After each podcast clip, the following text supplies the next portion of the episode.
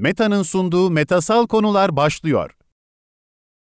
Efendim herkese iyi akşamlar. Metasal konularla karşınızdayız. Ben Açıl Sezen podcast serimizin üçüncüsü aynı zamanda Bloomberg HT Radyo hesaplarından ve radyonun kendisinden de canlı yayınlıyoruz.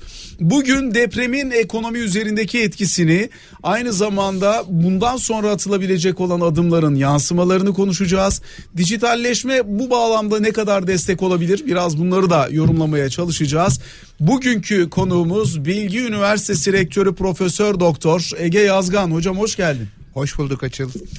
Şimdi çok ağır bir e, travma yaşadı Türkiye. Dolayısıyla evet. elbette e, bu travmayı atlatabilmek çok kolay değil. Acıyı atlatabilmek imkansız. Ancak tabii ki belirli bir süre içerisinde artık yara sarmaya başlayıp akut krizin ardından e, kendimizi bundan sonraya nasıl hazırlamalıyız? Bunun muhasebesine geçiyoruz.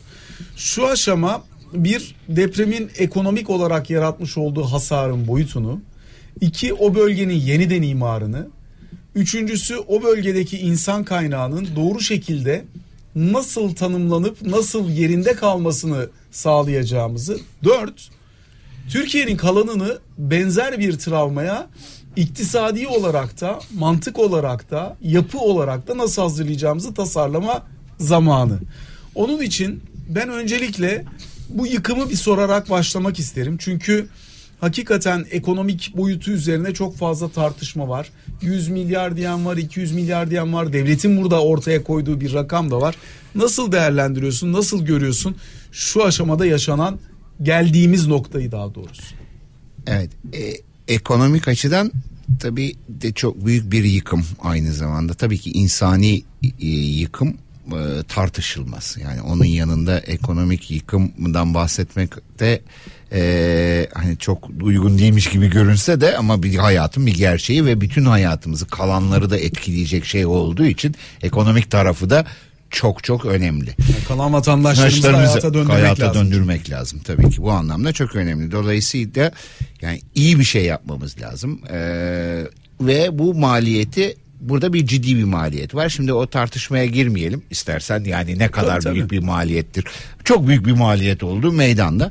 Tabii ki kaybı e, ka, nereden geliyor bu maliyet? Birincisi onu belki konuşalım. Yani hani yıkılanların yarattığı e, bir maliyet var. Onların yenilenmesi lazım. Yani o stok, bina stokları onların tekrar yenilenen ama e, gelir kaybı da var tabii ki. O e, yani şu anda orada bir ticaret yapılıyordu. Onlar yapılamıyor. Yeni bir gelir yaratılıyordu. O gelir yaratılamıyor. O gelirler bu da bir maliyet ama onun yanında bir de insan maliyeti. Yani o iş gücünde kaybettiklerimizi yani burada vefat edenleri kastetmiyorum. O travmayı yaşamış olan insanları tekrar iş gücüne dahil etmemiz de psikolojik olarak da çok zor. Şimdi bütün bunları bir araya topladığınız zaman hepsine ayrı ayrı e, oradaki tabii ki insanların yaralarını sararken aynı zamanda psikolojilerini de düzeltip yeniden çalışabilir hale getirmemiz gerekiyor. Birinci en önemli şey bu. Yeniden hayata karışmalarını sağlayabilmemiz lazım. Bunları yapacağız. Ekonomik olarak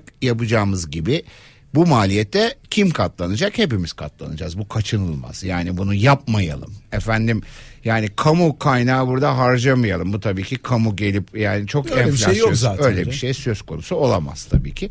Bu enflasyonist de olur mu? Olur. O da onu da söylememiz lazım. Ama e, şimdi tabii ki enflasyonist olması e, ne minimuma indirgemek gerekiyor. Çünkü e, enflasyon çok adaletsiz bir vergi.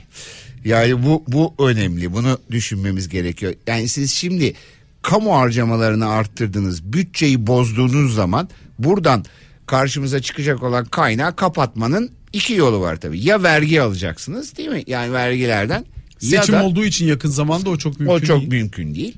E, ama o zaman da e, enflasyon yaratılacak. Enflasyon... Ya da dış kaynak alacaksın o da olabilir. Tabii tabii yani o zaten tabii dış kaynak alacağız ama o da bir borçlanma. Aynı zamanda geri ödememiz gerekecek dış kaynağı da. Onu da o şekilde düşünmemiz lazım. Hibe edilmeyeceğine göre hibeler dışında bunların hepsini geri ödememiz gerekecek. Kısa vadede bunun enflasyonist olmaması için ne yapmamız lazım diye belki düşünülebilir. Belki o da bazı yerlerden harcamaların kısılması anlamına geliyor. O tarafa harcama yaparken. E şu anda pek o da yok. Yani karşımızda yine seçime gidiyoruz. Yani para politikası normalleşip biraz faizler artsın. Oradan biraz harcamaları düşürelim de biraz bunu dengeleyelim gibi bir yaklaşım da söz konusu değil seçime kadar. Dolayısıyla ister istemez bu böyle gidecek. Ee, temennimiz seçim sonrasında e, bunun daha e, makul bir yere doğru gelmesi, daha adil bir yere doğru gelmesi açıl yani hani vergi dediğimiz zaman da bunun herkesten aynı oranda alınmaması. Bunlar hep konuştuğumuz şeyler zaten. Yani e, sonuçta Peki hocam şimdi elbette yöntemler bunlar. Tabii, Sonuçta evet. nasıl kalkınacağı belli. bir yandan deprem konutları yapılmaya çalışılacak. Bir taraftan e, buradaki insanları çünkü bir kısmı da göçmek zorunda kaldı. Yani Tabii. farklı şehirlere gittiler. Evler yok, şirketler yok. Sanayi şirketlerinin bir bölümü yıkıldı, kırıldı. Onların yerine konması için zamana ihtiyaç var. Bir de sen dönmek istesen de oradaki yaşantını tekrar kurgulayabilmek için de atılması gereken adımlar var. Çocukların okuyabileceği okul yok mesela. Evet. Dolayısıyla yok derken yani birçok okul burada hasar gördü. Tabii. Binalar sağlam değil dolayısıyla ondan dolayı. Nasıl bu travmayı özellikle sosyolojik anlamda da atlatma şansı bulacağız? Şimdi ben bir şey söyleyeyim. Ben e, bölgeye kısa sürede de olsa gittim. E, bir ufak bir ziyarette gördüğüm şöyle bir şey var. Yani biraz hani çok moral bozucu bir manzarayla karşılaşacağımı çok şey olacağımı düşünüyordum. Ama orada gerçekten sivil toplum tarafından oluşturulmuş olan inisiyatifleri devletin yanında yani devletin de yap, bir şey yapmadığını söylemiyorum ama devletin yanında da sivil toplumun oluşturmuş olduğu inisiyatiflere de baktığım zaman gerçekten moral düzelticiydi ve tek son teknolojiyi uygulayan çok farklı uygulamalar söz konusu. Şimdi bu dediğin yani geliyor bir sürü şirket aslında orada bir konteyner kuruyor. O konteynerde yaptığı hizmet işte gıda hizmeti veriyor oradakilere başka bir hizmet veriyor. Bunları yaparken de son teknolojik şeylere göre yapmaya çalışıyor. Böyle bir inisiyatif var. Toplumun kendi içinden gelen böyle bir inisiyatif. Bu çok değerli. Birincisi bu. Bunu söyle yani bir sürü moral bozucu şeyin yanında duyduğumuz moral bozucu şeyin yanında bunlar Bunları çok değerli görüyorum. Sivil inisiyatiflerin bunun devam etmesi için de devletin bunları teşvik etmesi lazım gerçekten. Ee, şimdi nasıl yapacağız bunları derseniz hep beraber bunu yapmanın bir yolunu bu. Bütün her şeyi yani bu anlamda devletin doğru biçimde yapma kapasitesinin de çok olmadığını da bir sürü olayda gördük. Dolayısıyla burada sivil inisiyatif devreye girecek. Mesela e, orada okullara işte e, okulların yapımına birçok insan katkıda bulunacak. Biz de kendimiz katkıda gönüllü olarak da katkıda bulunacağız. E, üniversite üniversitelerde buna katkıda bulunacak. Biraz hep beraber hareket etmemiz gerekiyor. Bu bunun altını çizmek lazım. Her şey işte sonuçta devlet yapsın vesaire dediğimiz zaman tabii ki o kadar kolay olmuyor devlet tarafından da bunun yapılması. Ya hocam Evet. şey çok belirleyici olmadı mı? Mesela e, ben toplumsal dayanışmanın son yıllarda e, sosyal medyanın da etkisi ve katkısıyla bu tür sorunların çözümünde çok fazla katkı sağlayabildiğini görüyorum. Nerede gördük? Mesela orman yangınlarında gördük. Doğru. Doğru Evet, mu? Doğru. Ee, nerede gördük? İşte yine deprem sırasında gördük. Başımıza gelen her türlü felakette ister istemez insanların birbirlerine ulaşabilmesini sağlayan, o birbirlerine ulaşmanın beraberinde getirmiş olduğu sinerjiyle de ben de bir şey yapmalıyım teşvikini getiren bir birliktelik oluşuyor. O yüzden bu deprem sırasında ben uzun süredir Türkiye'de bu kadar birlikte hareket etme arzusunun kuvvetlendiğini görmemiştim. Bilmiyorum ne dersin bunun için ama Yo, ha- yani siyaset Hı. görüşü ne olursa olsun Evet. enkazda beraber çalışmalar mı istersin? Evet. Yani eğer bir ekmek varsa e, oturup herkesin onu paylaşması mı dersin? Evet. Çayı, çorbayı birlikte içip birlikte paylaşmalar mı dersin? E, yani nerede ne varsa hakikaten herkesin birbirleri birbiriyle iletişime geçip interaktif bir şekilde planlama yapabildiğini ve bunun faydaya dönüşebildiğini gördük bu dönemde. Ya bu evet bu zaten bizim toplumumuzun önemli özelliklerinden bence bir tanesi bu. Bu bunu sorunumuz ne? Organizasyonsuzluk tabii ki. Yani bu bu buradaki enerjimizi kanalize doğru kanalize edeceğimiz yöntemler ve şeyler bulmamız gerekiyor. Bu bu bizim bu enerjimizi ve bu fedakarlığı doğru bir yere yöneltmemiz lazım. Bir de saman alevi gibi oluyor açıl. Yani hani bir başlıyor ondan sonra yani iki ay sonra insanlar unutuyor. Biraz da bu genel olarak bizim şey hafızamızla hafızamızın zayıf olmasıyla alakalı bir şey. Kısa e, vadeden bakıyoruz her şeye ve e, çabuk unutuyoruz. Dolayısıyla unutulmaması gerekiyor. Bir de tabii bu dediğim yani yap, yapılan şeylerin orada gerçekten çok değerli inisiyatifler var, sivil inisiyatifler. Bunların daha fazla görünür kılınması. O insanlar da bunların tabii ki insan hani ben gideyim oraya reklamımı yapayım diye yapmıyordur bunu. Ama bunun görünür olması insanların bunun devamını ve başkalarının buna katılmasını tabii ki etkiler. Yani yani her ne İyilik kadar ulaşıcıdır yani. e tabii yani bu çok doğal. Yani hani onun görünmesi lazım, görünür olması lazım. Kimse bunu e, o, sırf o nedenle yapmaz ama yapılması daha fazlasının yapılmasını da teşvik eder. Ve bizim bir de şöyle bir şey var. Yani her şey çok merkezi planlandığı zaman çok merkezi planlanan oraya doğru evrilen bir sistemimiz var. Her şeyin merkezi planlandı. Geçmişte de buna tarihimiz de böyle zaten. Ee, ama e, yani bu böyle şeylerde o Türkiye çok büyük bir ülke. Çok benzemez insanların beraber yaşadığı bir ülke. Farklı insanların olduğu bir yer. Bu kadar merkeziyetçilik o kadar iyi sonuçlar vermiyor. Dolayısıyla o bölgeye e, o bölgede bu bu tarz inisiyatiflerin devreye girmesi lazım. Yani bu net. Yani bu bunu bunu ben e, bu konuda kafamızın da bunu destekleyici şekilde ya, e, çalışması gerekiyor. Gerçekten yani bunu bilmiyorum. Şimdi bir başka belki yayında burada otururuz. Şu şunu yapmış, bu bunu yapmış diye de konuşuruz. Hani anlatabiliyor muyum? Yani bir ileride. anlamı olmuyor Hem- onun. Yani o hesaplaşma çabasının ya da karşılıklı öfke birikimini yönlendirmenin zamanı değil. Doğru, çok Esas doğru. şimdi o Evet. bölgede ihtiyaç var. Yani çünkü depremin olduğu ilk bir ay içerisinde herkes her şeye destek olmaya çalışıyor ama esas şu anda Evet. daha fazla gıdaya, şu anda daha fazla kıyafete, şu anda daha fazla konteynere, şu anda daha fazla yaşam imkanı sağlamaya ihtiyaç var o bölgede. Evet.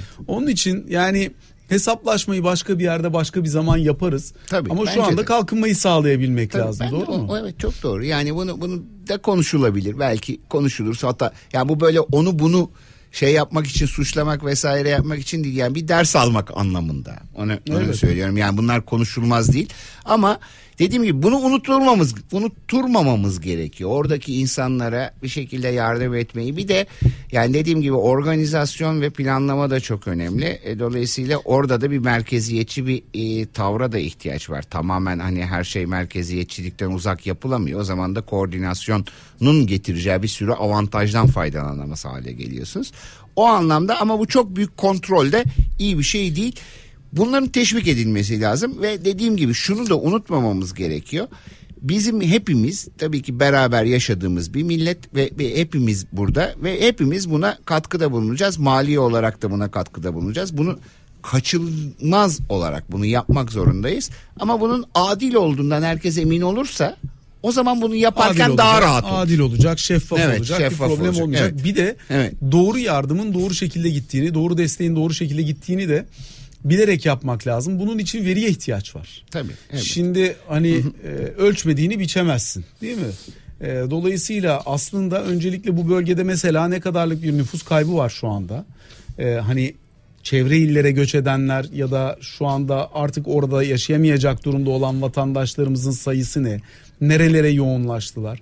Bunu bulmanın yolları var. Yani GSM operatörleri de bununla ilgili veri toplamaya çalışıyor. İşte mesela Meta'nın Data for Good diye bir e, veri kümesi var. Bunun için özellikle crisis ready raporları var. Onlar nüfus yoğunluğunu belli bölgeler içerisinde ölçümleyerek raporlayabiliyor. Diğer kurumların da farklı farklı e, ölçümleme metotları var. Önce bir bunları bulup Doğru. daha sonra bu insanlarımızın ne kadarını oraya getirebiliriz? Onların Doğru. dönmesi için hangi şartları sağlamak lazım? Tabii elbette bu orayı yeniden kurmak için Hani- bu aslında büyük de bir fırsat tabii. o Hani anlamda şey derdi ya. Ce- Cem Yılmaz'ın vardır ya çizmediğin ki kesesin diye. Evet. Önce bir çizmek lazım sonra ona göre Tabii. kesmek lazım herhalde. Tabii ben de mesela hani konuşmanın başında dedim ya orada bulunduğum zaman şirketlerin orada ya mesela öyle konteyner evler var vesaireler oraya yapılmış. Onlar son çevre dostu, son teknoloji.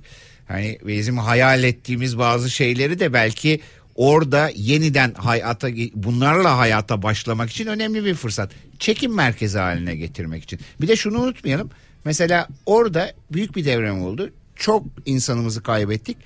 Belki de Türkiye ama Türkiye deprem bölgesi diğer yerlerinin de depreme dayanıklı hale gelmesi lazım. Buradan aldığımız derslerle bu kesin İstanbul ve bütün her yeri. Ama şu var ki o bölge şu anda Türkiye'nin belki de depreme açısından en güvenli bölgelerinden bir tanesi. Neden? Çünkü bundan sonra büyük bir deprem olma olasılığı uzun yıllar yok ya da çok düşük yani hani çok, değil mi çünkü orası kırıldı artık. Tabii. Ha, üç aşağı beş yukarı. Bu da hani o bölgeyi tekrar çekici hale getirmek için insanlar açısından önemli bir faktör olabilir. Bunu da belki birazcık altını çizmek lazım. Yani yeniden yapıyoruz, yeniden inşa ediyoruz, yeniden insanlarımızı buraya bekliyoruz. İşte Hatay'ı yeniden kuruyoruz ya da işte Antep'i yeniden Antep'in o kadar yıkılmadığını Ama e- biliyorum da. eski eskiden kurulduğu yerlere değil de değil mi? Hani daha güvenli zeminlere, daha makul yerlere, daha makul bölgelere yeniden kurgulamak lazım. Çok doğru şehirleri. ama şimdi mesela bu konuda da benim dinlediğim hiç uzman olmadığım bir şey. Tam da ben de e, öyle düşünüyorum. Mesela şehirde yıkılmayan ve şey olan yerler belli mesela ya da e, or- oraları kullanmak lazım. Hangi yerler zemin olarak mesela şey Müsaitse. müsaitse. Şimdi diyelim ki yani Açan burada 200 yıl deprem olmayacak diye hadi her yere yeniden kuralım dersek o da olmaz. Yani 200 yıl sonra orada bir şey olduğu zaman e, Gene orada da var. Tabii, gene tabii. ya onlar bizim çocuklarımız sonuç itibariyle. Yani torunlarımız, çocuklarımız vesaire. Onu da dikkate almak zorundayız. Yani tamamen şehrin dışına çıkalım, yeniden şehri kurmayalım değil. E, Bu bir uzman görüşü dinlediğim. Yani şehirde aynı yerlere kurabilirsiniz güvenli olduğunu tespit ettiğiniz yerler.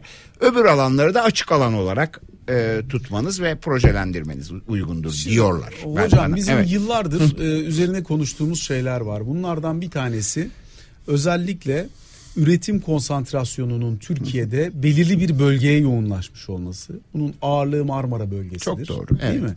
Dolayısıyla neden Marmara bölgesidir? Çünkü birincisi suya yakınlığı, limanların kullanım imkanları, lojistik olarak e, fırsat vermiş olması, Doğru. e, aynı zamanda da insan kaynağına daha rahat ulaşım imkanı sağlamış olması. Şimdi İstanbul tabi burada çok belirleyici ama Marmara bölgesinin bütünü içinde bunu Tabii. söyleyebiliriz. Yani Türkiye'nin üretiminin kabaca üçte ikisi bu bölgede gerçekleşiyor. Elbette. Dolayısıyla burası da bir deprem bölgesi. Tabii. Önümüzdeki dönemde burada da ciddi sıkıntı olma Tabii, riski var. tabii. Ve hani bu çok söyleniyor.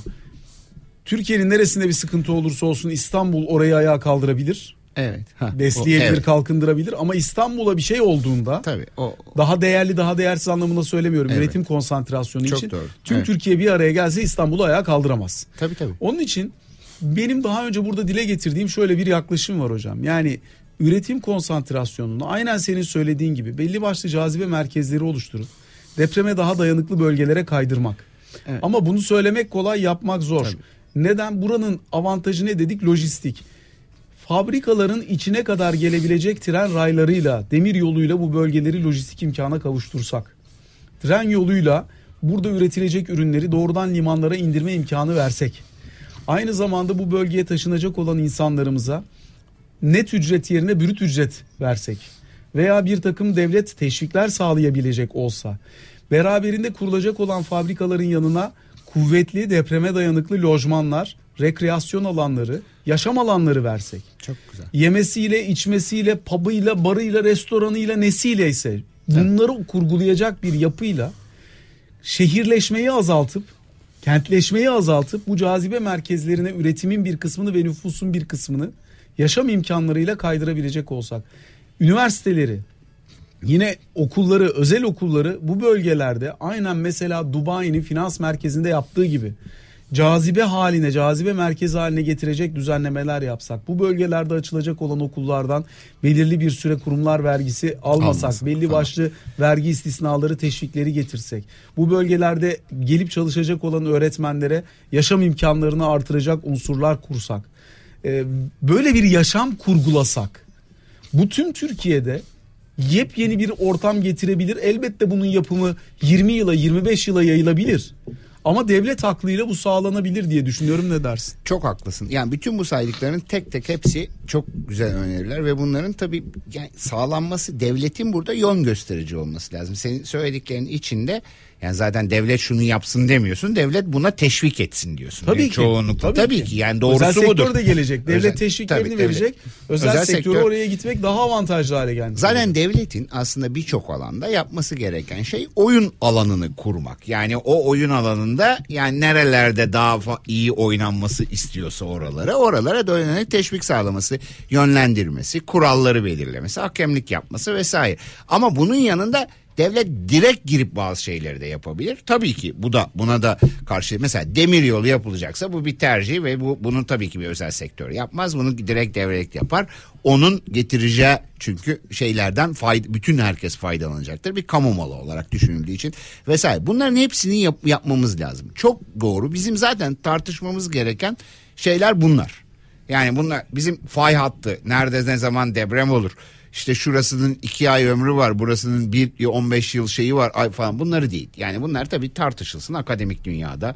Çok Herkes kendi işini yapsın Herkes orada. kendi işini yapsın. E, Yani şimdi çıkıp da yani burada e, konuşacağımız zaman yani bunlar akademisyenler kendi aralarında bunları tartışsın. Bizim biz nasıl depreme dayanıklı kentlerimizi yapabiliriz. Bu dediklerin yani bu alanları İstanbul'un dışına Marmara bölgesinin dışına Türkiye'ye de nasıl cazibe yerleri yaratabiliriz. Oraya eğitim olanakları nasıl götürebiliriz? Şimdi İstanbul'a gelmek isteyen birisi yani sen de çok insanla konuşuyorsundur. Ben de konuştum. Neden İstanbul dediğiniz zaman et, iki şeyden bahsediyor. Biri okul, çocuğunun okulu.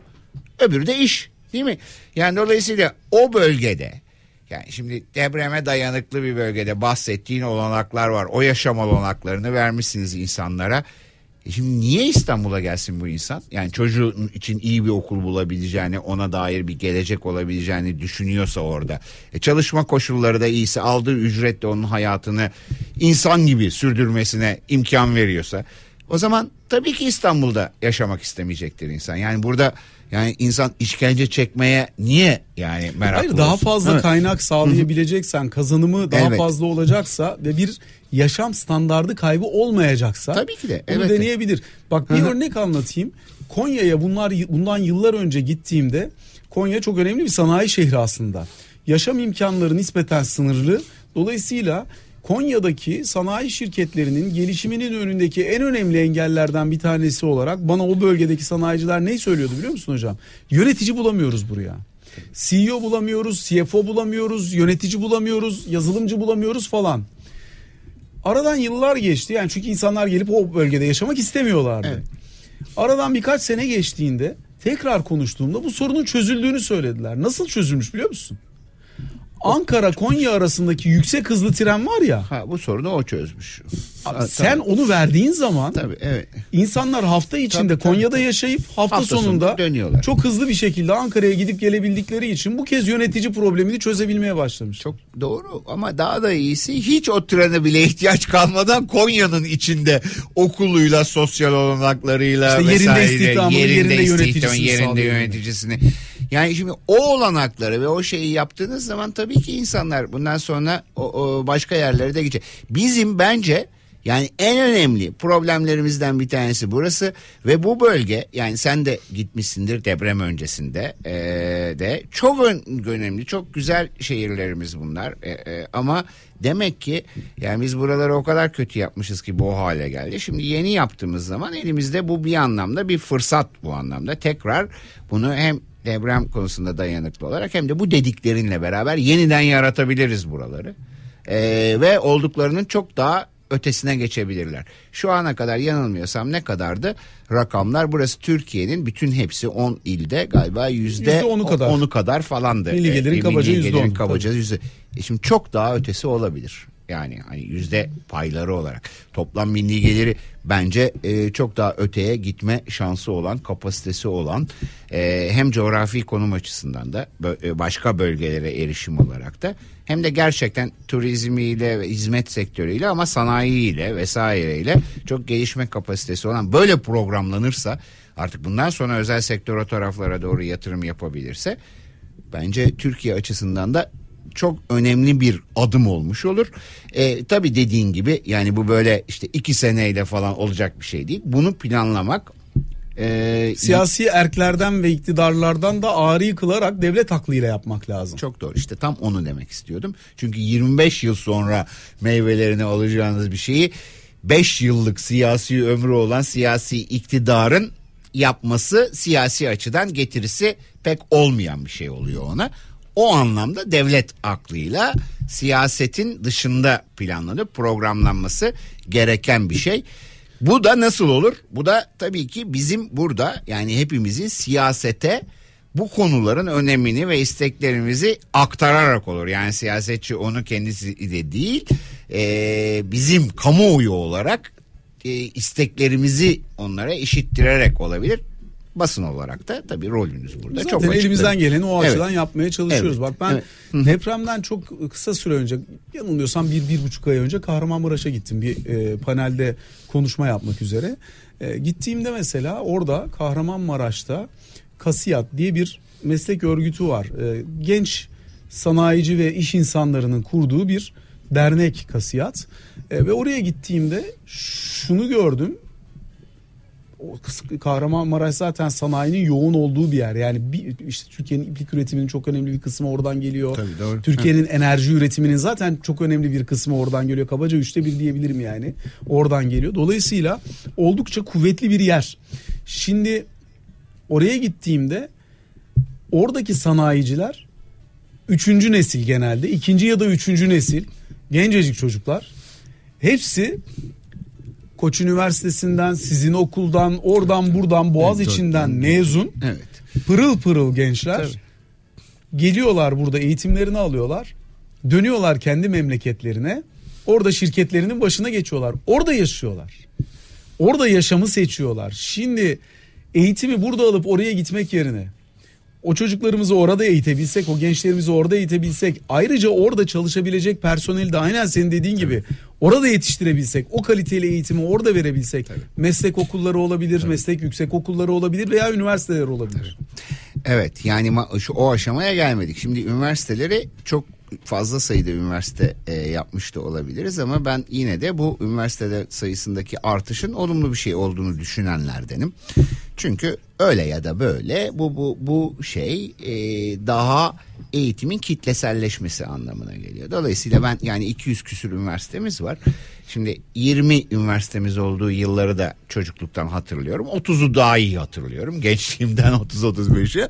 Ama böyle yüzlere doğru gidişat kötü oldu deniliyordu. Evet doğrudur. Eğitim e, elit eğitimi de bunu yaparken elit eğitim biraz bununla beraber aşağıya doğru gelmiş olabilir. Çünkü kitlesel eğitim yaptığınız zaman ister istemez elit eğitimdeki gibi yapamazsınız yani çünkü. Ama elit eğitim size yine lazımdır. Onun da sürmesi, onun da belli bir kalitesini tutturması lazımdır ama bu kitlesel eğitimde mutlaka gereklidir. Belki biraz aşırıya kaçmış olabiliriz yani üniversite sayısıyla ilgili olarak. Ama yönelim olarak bence doğrudur. Şimdi yapmamız gereken bence tekrar elit eğitimi de arttırmamız. Ona çünkü her ülkenin ihtiyacı var. Yani ama buradaki yani şunu yapmamamız lazım. Yani kitlesel eğitimle beraber elit eğitimin de kalitesini aşağıya doğru hep beraber çekmemiz değil. Aslında elitin eğitimin e, kalitesini koruyup kitlesel eğitimi de Ona yaklaştırmamız yaklaştırmamız gerekiyor. İşte bu, bu buralarda bu yavaş yavaş olacak bir şey tabii. Biraz önce konuştuğun proje gibi. Nasıl o 25 yılda e, meyvelerini verecekse eğitim orada daha da ağır işleyen bir süreç.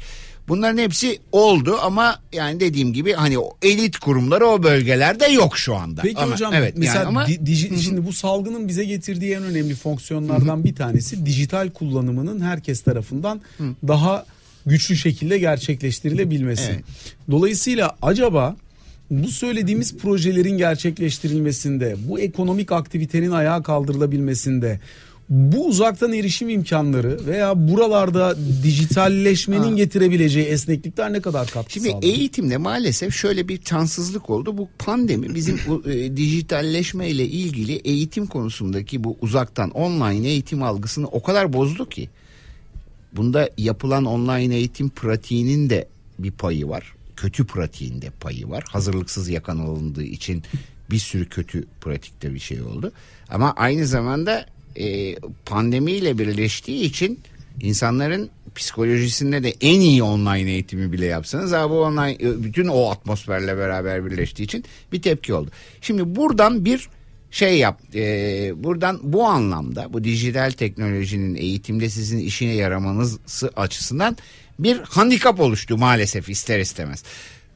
O yüzden ben şu an itibariyle bunlar söz konusu olduğu zaman online eğitimi kullanalım tabii ki ama bunu maalesef artık bütün dünyadaki araştırmalar da bunu gösteriyor. Bu dediğim bir tek Türkiye'ye özgü değil. Yani pandeminin e, hibrit kurgulamak lazım. Hibrit kurgulamakta yani insanlarla bir yüz yüze temasınızın olması gerekiyor.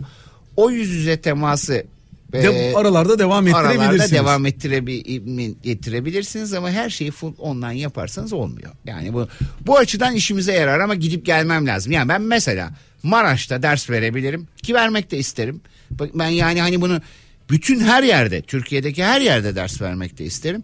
Ee, mesela ama gitmem lazım. Yani hani bunu burada İstanbul'da oturup o dersi vermek istemem. Yani arada gideceğim, geleceğim, gideceğim, geleceğim Zaten olabilir. gençlere Ama- kendilerini de değerli hissettiren şeylerden biri de o. Yani senin gibi değerli hocaların, sizin estağfurullah. ekibinizdeki diğer hocalarımızın ya da farklı şehirlerdeki farklı hocalarımızın, oralardaki hocalar da çok değerli elbette ama onlarda Tabii, da tabii. travma var. Tabii tabii. Yani Evet, dolayısıyla evet, evet. e, görmek, onlarla tanışmak, soru sormak, cevap almak, dersi ondan dinlemek gibi şeyleri var. Tabii, tabii. Ama belli bir süre oradan, belli bir süre online yapılabilir. yapılabilir. herhalde. Bu arada ben şunu şu anlamda demedim. Bu deprem felaketiyle ilgili değil. Ben zaten hep bunu yapmak isteyen bir insanım. Bir sürü de yapmak isteyen insanım. Bu şey anlamında değil. Maraş'taki üniversitedeki hocalar değersiz. Onlar da buraya gel- gelebilirler. Yani hani bunun bu iki yönlü.